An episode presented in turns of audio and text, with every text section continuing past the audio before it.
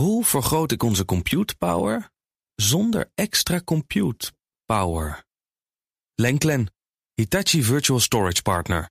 Lenklen, betrokken expertise, gedreven innovaties. Tech Update. Jo van Buurik is binnenkomen lopen, onze techman. En dan weet je, dan gaat het over uh, Nvidia. Hè, Ja, Jo? en AI. Hi Kees, hi Hey, hallo. Ja, wat het, Nvidia heeft een eh, nieuwe microchip aangekondigd... die speciaal geschikt is voor AI. Het kon ook niet anders. Zeker, dat is bij uitstek waar ze goed in zijn. Nvidia was jarenlang slechts tussen aanhalingstekensmaker van processoren... waarmee videogames mooier werden... totdat ze ontdekten in de technologie dat die krachtige chips... ook heel goed gebruikt kunnen worden om AI te ontwikkelen. En dat hebben we geweten, want het aandeel is 236% meer waard... dan precies 12, 12 maanden geleden op de beurs. Dus dat is de context bij het nieuws van vandaag. Dat is namelijk de H200, de nieuwste versie van hun beste processor. Dat was de H100. Die wordt gebruikt onder meer door Amazon, door Google, door Oracle... voor hun cloud-divisies. Eh, juist voor die spelers heel belangrijk... want die capaciteit wordt weer ondervuurd aan bedrijven over de hele wereld. We weten ook dat bijvoorbeeld Elon Musk... zelfs Nederlandse instanties die H100 heel graag willen hebben. Nu is die twee H200, kan nog sneller data omzetten. En dat is ook wel nodig, omdat de ontwikkeling van AI-taalmodellen... nog meer capaciteit vereist om nog meer data doorheen te pompen. Duurt nog wel eventjes, want die H200 komt pas in het tweede kwartaal van volgend jaar eh, beschikbaar. Maar volgende week de kwartaalcijfers van Nvidia... dan horen we ongetwijfeld meer over hun toekomst. Doet het al iets met de koers trouwens? Het Eh, op het moment zie ik wel, wel wat plusjes erbij komen. Ik denk vooral volgende week bij die kwartaalcijfers. Maar de concurrentie zit niet stil. Want eh, Intel en AMD komen ook allebei met nieuwe processoren. Al is Nvidia tot nu toe de winnende partij, zijn al een half jaar lang meer dan 1 biljoen dollar Ja. waard. En AMD en Intel komen per partij niet eens boven de 200 miljard aan marketkapitalisatie. Dus ja, we zeggen wel eens AI zorgt voor goudkoorts en Nvidia maakt de pik heel Nou ja, over kort gesproken. eh, we gaan naar AI in de zorg.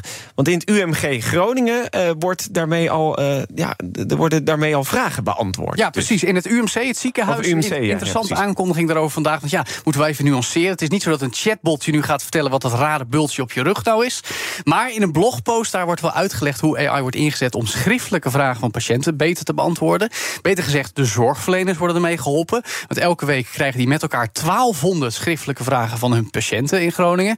En dan zijn ze zo druk dat ze die vragen vaak maar kort en bondig kunnen beantwoorden. Die AI-toepassing kan het veel uitgebreider. En ook nog eens, en dat vind ik opvallend, met meer empathie. Want ja, je krijgt een heel kort af antwoord van een dokter. wacht heel even. En AI schrijft het iets meer bewoorden en iets meer gevoelsmatig op. er wordt vaak wel gezegd, inderdaad, dat doktoren altijd eh, soms een beetje robotachtig eh, kunnen zeggen van eh, je bent ziek, Ja. het gaat niet goed met je. Maar dat AI nu daadwerkelijk socialer is dan een dokter, dat, dat, dat zegt wel wat. Hey, maar waar ik even op blijf Ja, hangen is, eh, is... Dus het gaat dus niet om wat dat bultje op je rug is, zei je net. Nee. Maar om wat voor vragen gaat het Nou, dan? dat gaat bijvoorbeeld om ontslagbrieven uit het ziekenhuis... of bijvoorbeeld een verslag na een operatie. Eh, dan gaat het overigens om een suggestie van AI... die dan nog aangepast en verstuurd kan worden door de arts.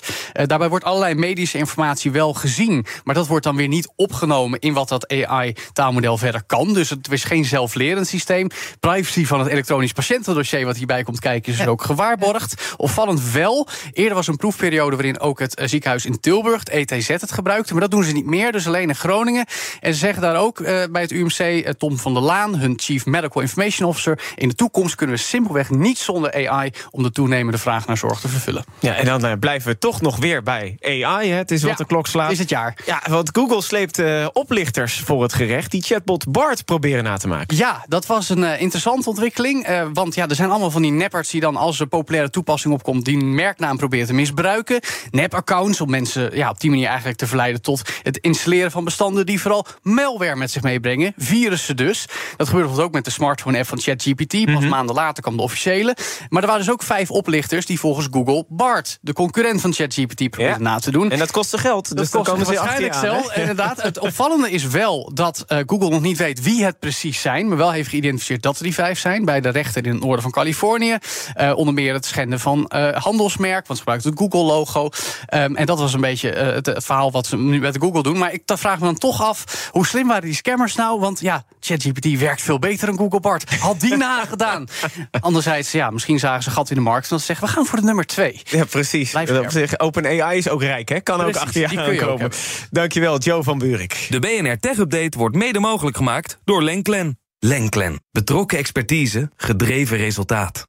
Hoe vergroot ik onze compute power zonder extra compute power? Lenklen. Hitachi Virtual Storage Partner. Lenklen, betrokken expertise, gedreven innovaties.